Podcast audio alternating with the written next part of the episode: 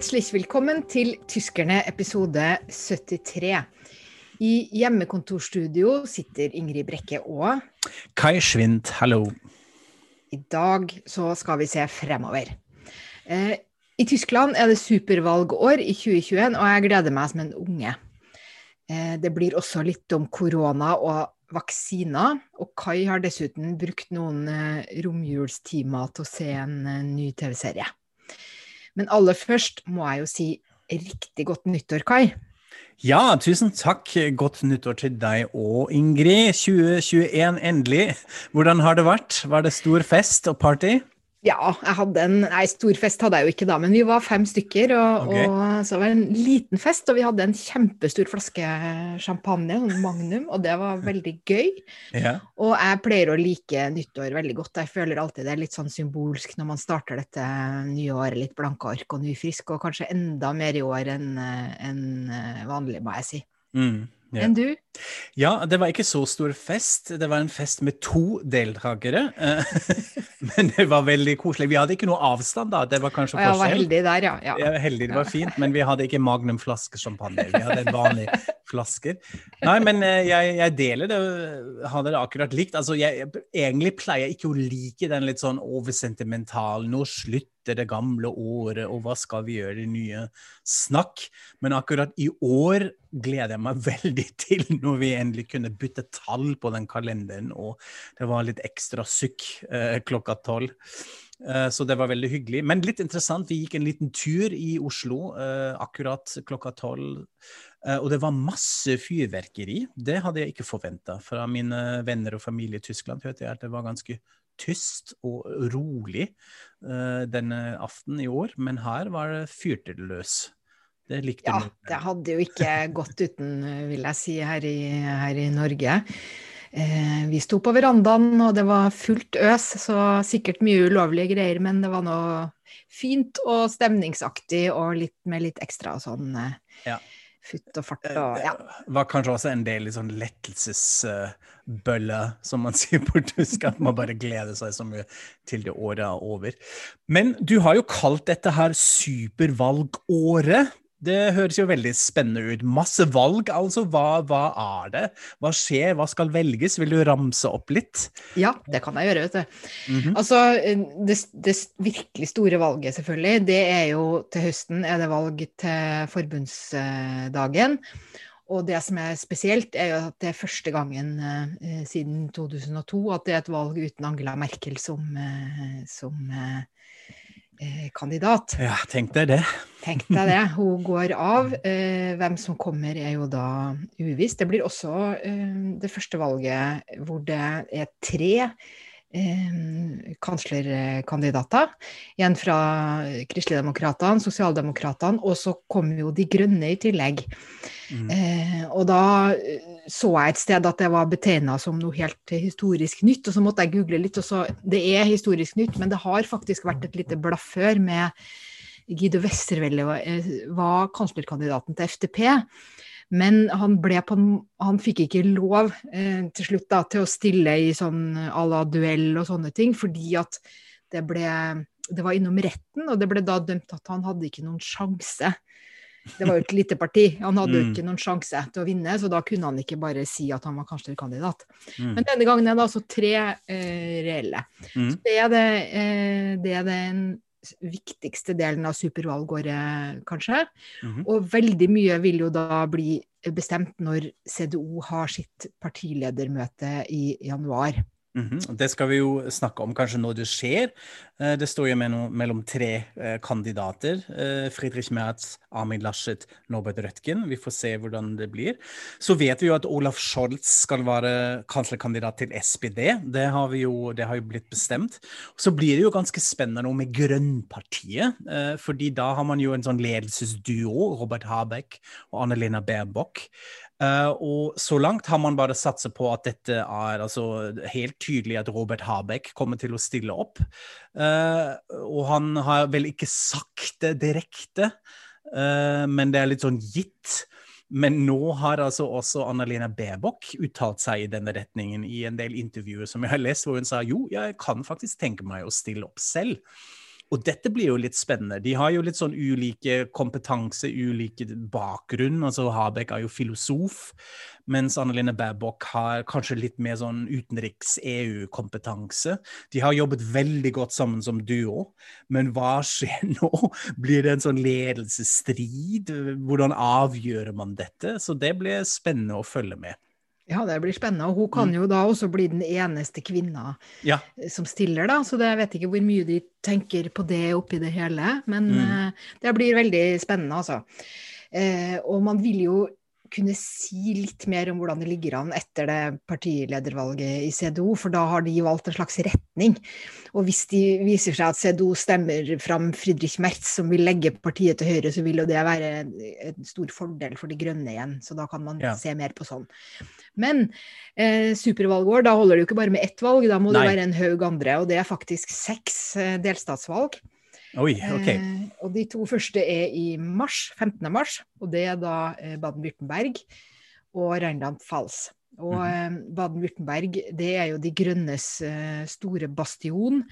De fikk jo eh, statsministeren der allerede i 2011, første delstaten, der De grønne regjerer. Så de har, der har det vært en sånn grønn-svart eh, koalisjon siden. Og de ligger an. Det er Winifred Kretschmann som er denne statsministeren, han er veldig poppis. Eh, og de ligger an, De grønne, til å gjøre det enda et par prosentpoeng bedre enn eh, de gjorde for eh, fire år siden. Og også i Rønland-Pfalz så ser det ut som De grønne kan legge på kanskje 10% 10 prosentpoeng, men der lå de veldig dårlig an fra før, da. Men hvis man skal prøve å se noe slags sånn hva det kan bety, så tror jeg det at hvis De grønne klarer å velge en kanslerkandidat uten å bli eh, fulle av konflikt og strid. Og de da eh, gjør disse to gode delstatsvalgene i mars, så har de fått en sånn knallstart inn i, i dette mm, inn mot forbundsdagsvalgkampen, da. Mm, og det er jo veldig dårlig for de CDU-kandidatene. da. Altså Hvis de taper, da, så har de jo det som en slags ballast med seg. Veldig ja. vanskelig å komme seg fra det. Ja, for det, det, sier man er en grunn til at kanskje CDO ikke altså Selv om de velger partileder i januar, så kan det hende at de drøyer å peke ut kanslerkandidaten. Eh, det er ikke sikkert de binder seg til at det blir partilederen. Og det ja. skyldes jo at de er redde for at eh, kanslerkandidaten eh, skal bli trekkende med eh, dårlig, de to dårlige delstatsvalgene i mars, hvis det er mm. sånn det går, da. Men det er, veldig vanskelig å skjønne hvordan CDU har tenkt å løse dette, så jeg tror vi må bare fortsette å se på såpeoperaen, eller hva det var vi kalte det her i en tidligere ja. episode. Jeg skal i hvert fall sitte klistra når det ja. eh, partiledervalget. Neste episode kommer. Neste Men episode kommer. hva er de andre som er litt uh, interessant? Dels jo, så er det i slutten av april er det delstatsvalget i Tyringen. Og det mhm. er jo uh, Nå er jo det en veldig liten og ikke Hva skal man si? Det, styk, det høres alltid så stygt ut når man sier det, men det er ikke så veldig viktig delstat. Men den har blitt veldig viktig symbolsk nå, ja. fordi eh, det var jo her de hadde dette valget eh, i 2019. Uh, eh, hvor de ikke klarte å danne regjering, og som førte til en så stor politisk krise at det var det som gjorde at Annegret Kramp-Karrenbauer måtte mm, trekke seg som partileder fra CDO. Vi skal ikke forklare denne sammenhengen her, for dette er altså så innvikla. Men uh, grunnen til at det ble en krise, var rett og slett at De Linke ble største parti. AFD, altså Alternativ for Tyskland, ble andre nest største parti, og CDO på tredje eh. Og da var situasjonen sånn at det ble umulig å danne noen av de vanlige regjeringskoalisjonene. Sånn at de har egentlig ikke Så nå er det en sånn mindretallsregjering eh, mm. som styrer der, av, eh, som er rød-rød-grønn under både Ramelov fra De Linke. Og, og, de bestemte da at de måtte ha et nyvalg. Eh, fordi man har jo ikke denne kulturen for mindretallsregjering og sånn, så dette er plan, et planlagt uh, nyvalg. Mm. Men det illustrerer en sånn situasjon som kan komme til å oppstå både der, men også kanskje i neste delstatsvalg, nemlig i, i Saksen-Anhalt i begynnelsen av juni. Det er også en sånn delstat hvor AFD kan bli veldig store.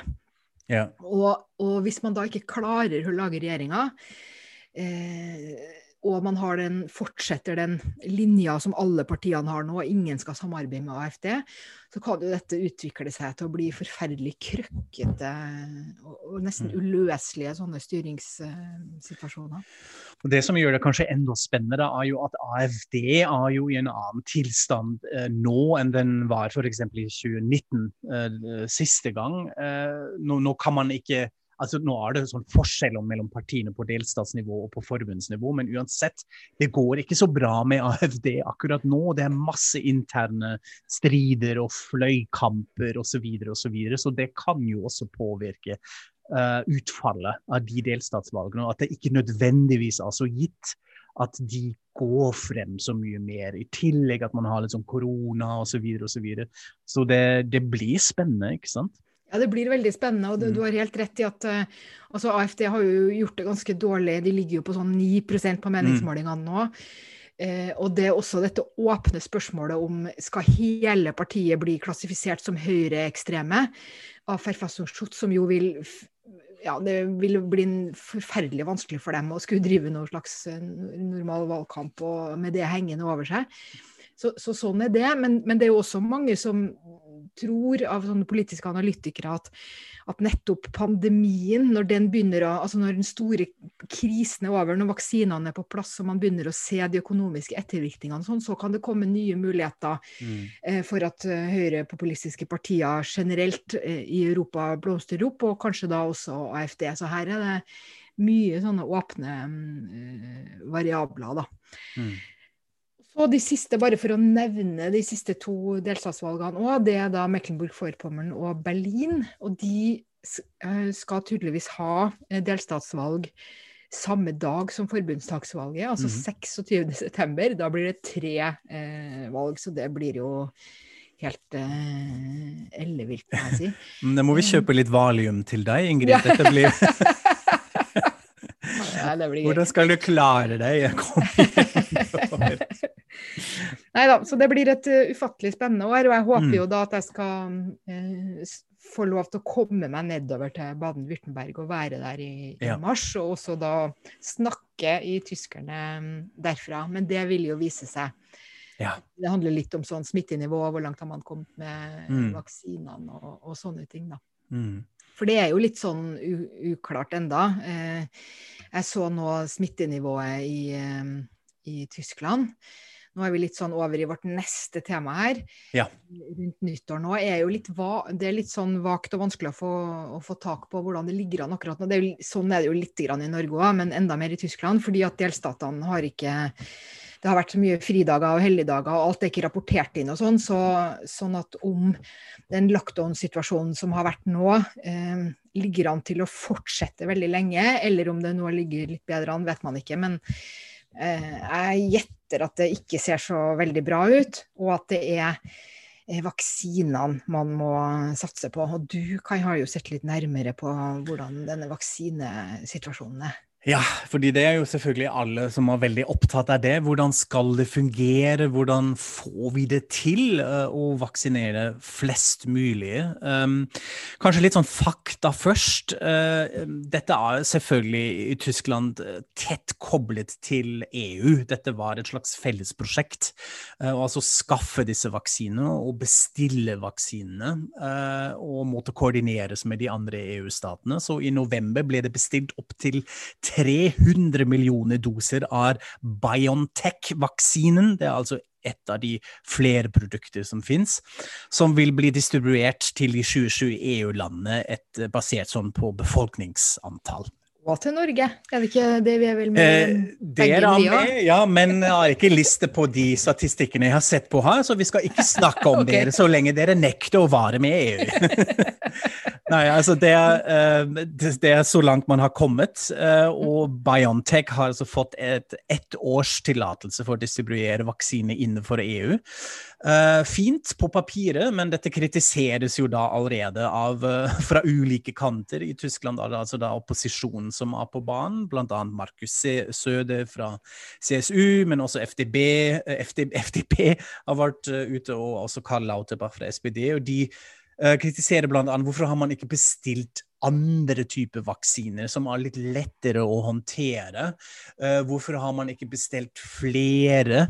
Uh, hvorfor har man ikke koordinert dette mye bedre? Fordi uh, det er noen som har altså sagt at det allerede går ganske treigt for seg, at de henger litt ekte, det er litt uklart hvordan det skal deles ut, osv. Så, videre, og så, så må man kanskje si litt om denne Biontech-vaksinen selv. Den er jo uh, litt komplisert, fordi den må lagres kjølt ned til eh, minus 70 grader før, før, den kan deles ut. Og det, det, skaper selvfølgelig en del ekstra utfordringer. Eh, så man venter nå akkurat nå på tillatelse fra andre vaksiner, eh, som da kan altså deles ut i tillegg. Ja, jeg leste en sånn uh, analyse på ZTF om uh, Israel. fordi det mhm. har jo vært veldig mye framme i den tyske debatten at hvorfor, hvorfor kan Israel vaksinere så mange flere enn oss? Og, og de har tatt noen lure strategiske valg i god tid, mens her sitter vi og ligger etter. og i denne ZTF-analysen så ble det da påpekt at det er helt riktig det at Israel har kjøpt haugevis av disse Biontech-vaksinene. Mange ganger flere per innbyggertall enn en EU, Tyskland og EU har gjort. Men det betyr også at de har gambla, fordi at eh, man, visste, man, måtte gjøre disse innkjøpene på et tidspunkt da man ikke visste hvordan, eh, hva som kom til å virke, og hvilke vaksiner som kom til å, å bli eh, først utvikla og alt det der. Mens i EU har man da eh, kjøpt inn eh, over et bredt spekter. Da. Så der kommer det etter hvert, når de blir godkjent, så kommer man til å å få mange flere vaksiner inn. Og det er ikke sikkert at det betyr så at man ligger så dårlig an, egentlig, i det lange løp. Og, og Israel har også betalt veldig mye mer per dose da, enn en EU. Men det er en veldig interessant eh, etterpåklokskapsdebatt. Ja, absolutt. Men det har jo også Jens Spahn, altså helseministeren, sagt i den pressekonferansen som jeg, som jeg også sa på, at han nettopp uh, var litt inn på dette. At det var nesten som en slags budrunde uh, i høsten hvor mange land begynte å by. Det føltes som å lese børsnyheter. Litt som hvem byr mest. Israel var ute, USA uh, var ute med masse. Og at Tyskland hadde altså bestemt seg ganske tidlig at dette var et EU-fellesprosjekt. At man ikke skulle kjøre en såkalt aleingang med dette, men dette skulle koordineres med EU. Det er selvfølgelig også en del EU-juss inne i bildet uh, som man må forholde seg til, uh, som gjorde dette kanskje litt vanskeligere, på godt, på godt og vondt også. At det er litt, en, en del, det er litt mer godkjenningsprosesser osv. hvor Israel kan kjøre litt, litt mer på. Uh, og så er det litt det som um, de ekspertene har sagt om den Biontech Biontech-vaksinen i Tyskland. At det, er dette jo Robert Koch-institutt, bl.a. blant annet.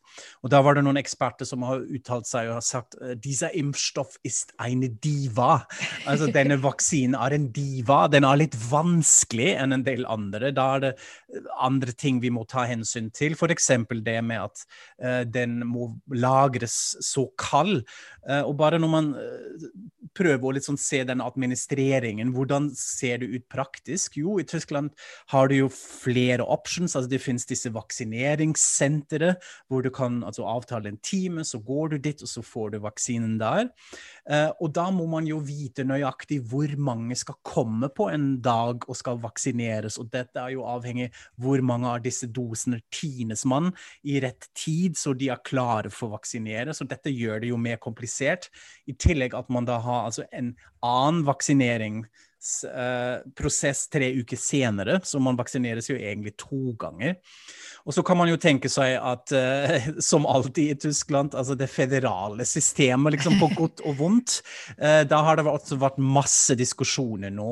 Hvordan dette håndteres, vaksineringssenteret, eller gjør man det hjemme? For å gi et eksempel, akkurat nå i den første runden er det jo folk over 80 som skal vaksineres, og da spesielt folk på syke- og gamlehjem. Men også de ansatte på syke- og gamlehjem? Ja, de òg. De skal også ja. få det. Og da er det apropos litt interessant, jeg har lest eh, et tall da, at det er så langt. Rundt halvparten av ansatte på de syke og gamlehjem som har sagt ja til Oi. å vaksineres, ikke det var... flere. Mm. Det syns jeg også var litt, var litt, rart. Jeg tror man har fortsatt en jobb å gjøre her med å uh, overbevise folk, eller jobbe mot et sånt stigma og skepsis mot de vaksinene. Man, man kan jo relatere seg til det. Dette har jo blitt testet og godkjent, men det er liksom første gang vi, vi kjører dette. Og kanskje helsepersonellet vet spesielt hva det kan bety hvis man vaksineres med noe som kanskje ikke er så testet allikevel. Så det er litt interessant. Men bare altså, hvordan man avtaler dette uh, på tvers av de delstatene. F.eks. i Baden-Würtemberg har du en telefonhotline. Da kan du ringe og avtale en tid. Den er ikke på plass i Nordrhein-Westfalen. I Hessen har du en sånn hybridløsning. Da kan du gjøre det online og ringe. Så du har litt sånn hele denne godteposen av tysk-federale uh, ulike tilnærminger som må falles på plass. Uh, og det kan ta litt tid. Uh, så får man se hvordan det går. Så er det selvfølgelig også påvirket av politikken. Um, som du var litt inn på, det er valg snart. Uh, vi får håpe å ha det på plass. Men altså, Jens Spahn har altså sagt i denne pressekonferansen vi regner med, fin diplomatisk formulering, at, man, at vi har alt dette på plass i løpet av sommeren. At alle er vaksinert, og at vi da har fått til denne flokkimmuniteten. Det betyr at vi altså har vaksinert uh, mellom 60 og 70% av befolkningen. Så alle som vil, kan reise til Tyskland når det er forbundsdagsvalg i slutten av september. Jo. Ikke sant? Og kan stemme og observere som journalist og alt det der. Ja. ja, det blir bra. Ja, Så det blir spennende.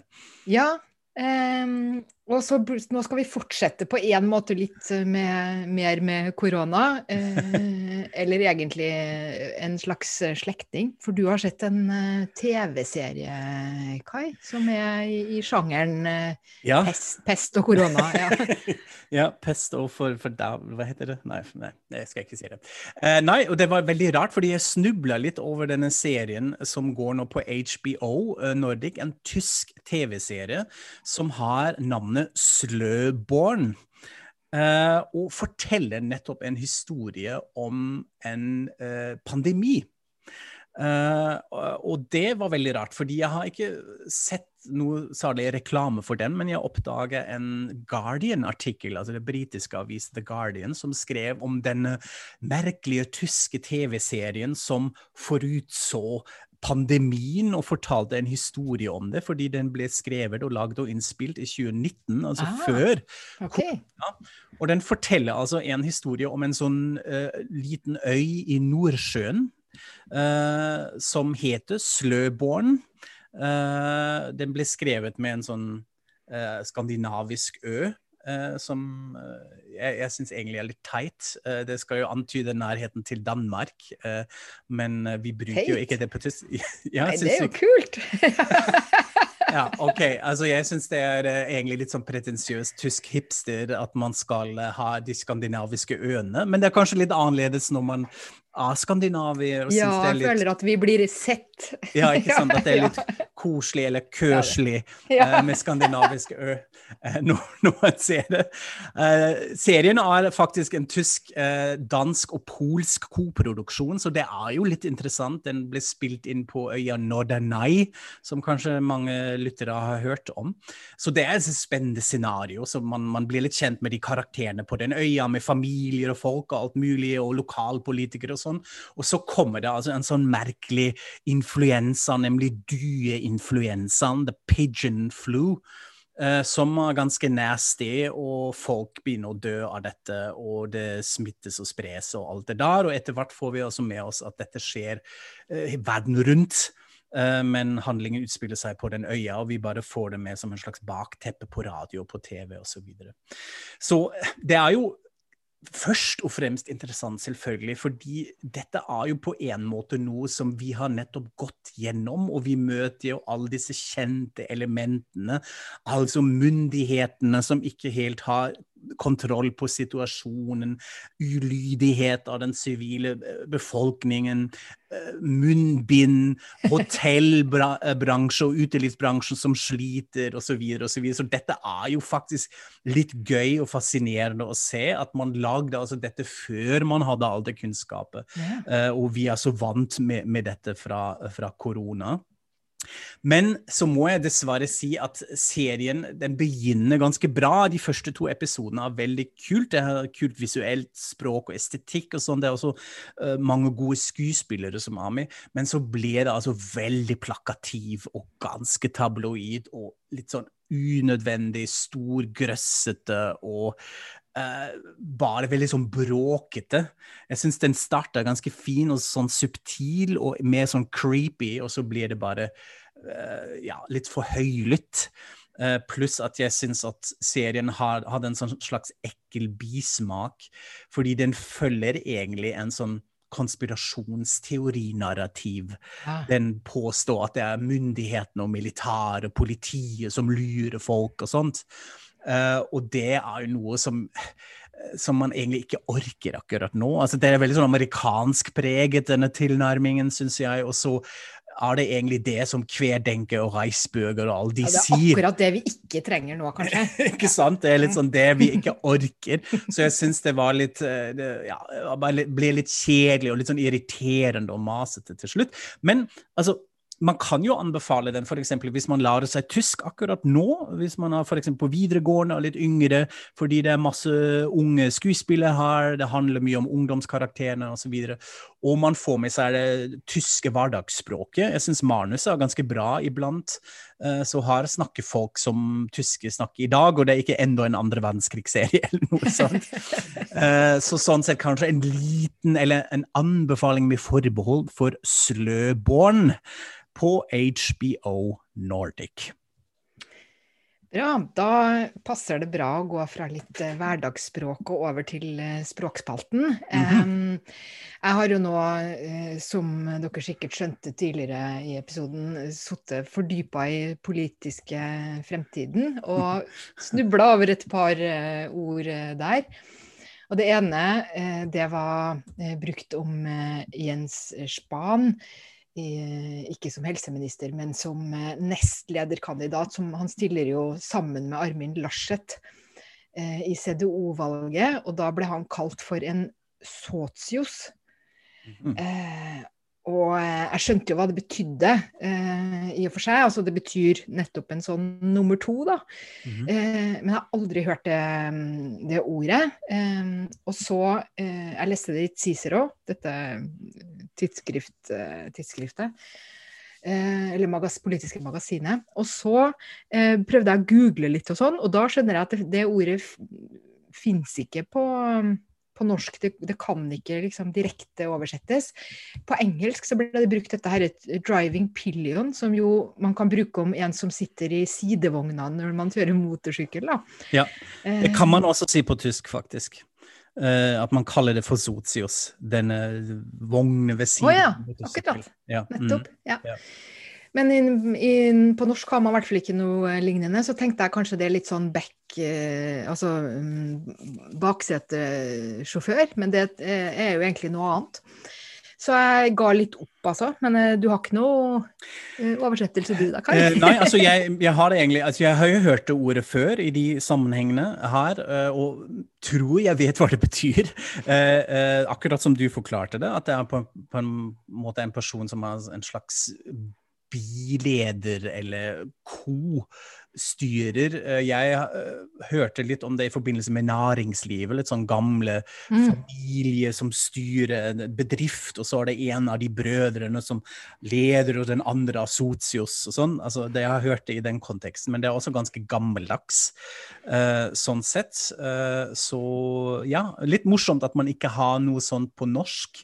Det sier kanskje litt igjen om de, de flate strukturene og hierarkiene her i, i Norge, at man ikke har behov for, for eh, akkurat et sånt begrep. Men nå overtenker jeg kanskje det, dette litt. Ja, eller kanskje det sier noe om Cicero, at dette er et kjempegammeldags og rart eh, begrep, og de er relativt uh, erkekonservative. Ja, så det- jeg hadde en sånn- jeg ikke har sett det før. Jeg hadde en sånn liten uh, bemerkning her klar, men det er fint at du sa det. for det har kanskje litt med Cicero-språket å gjøre, ja, det er sant.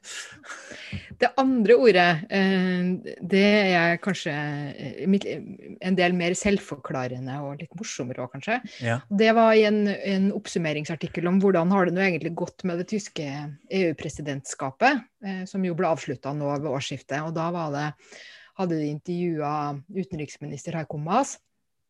Og han sa da om migrasjonsspørsmålet at dette temaet bleibt einer der großen Spaltpilze. Det er jo Altså, eh, det er et tema som fortsetter å være det, det, den store splittende soppen, splittelsessoppen i EU. Jeg syns det bare var et veldig bra ord, fordi at det, det, det betegner en slags sopp, eller kanskje mer nesten sånn bakterie, altså sopp yeah. i en sånn mikroformat, som er sånn at du tror at du blir kvitt det.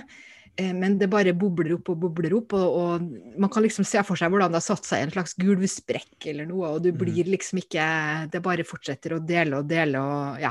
Jeg bare syns det var veldig, et veldig fint uh, ord. Mm. Et veldig fint ord. Eh, det blir ikke brukt så ofte heller, men det er mye med et sånn rett på metaforisk språk som fungerer veldig bra. Jeg, mm. du har forklart det helt perfekt. Jeg har ikke noe å legge til her.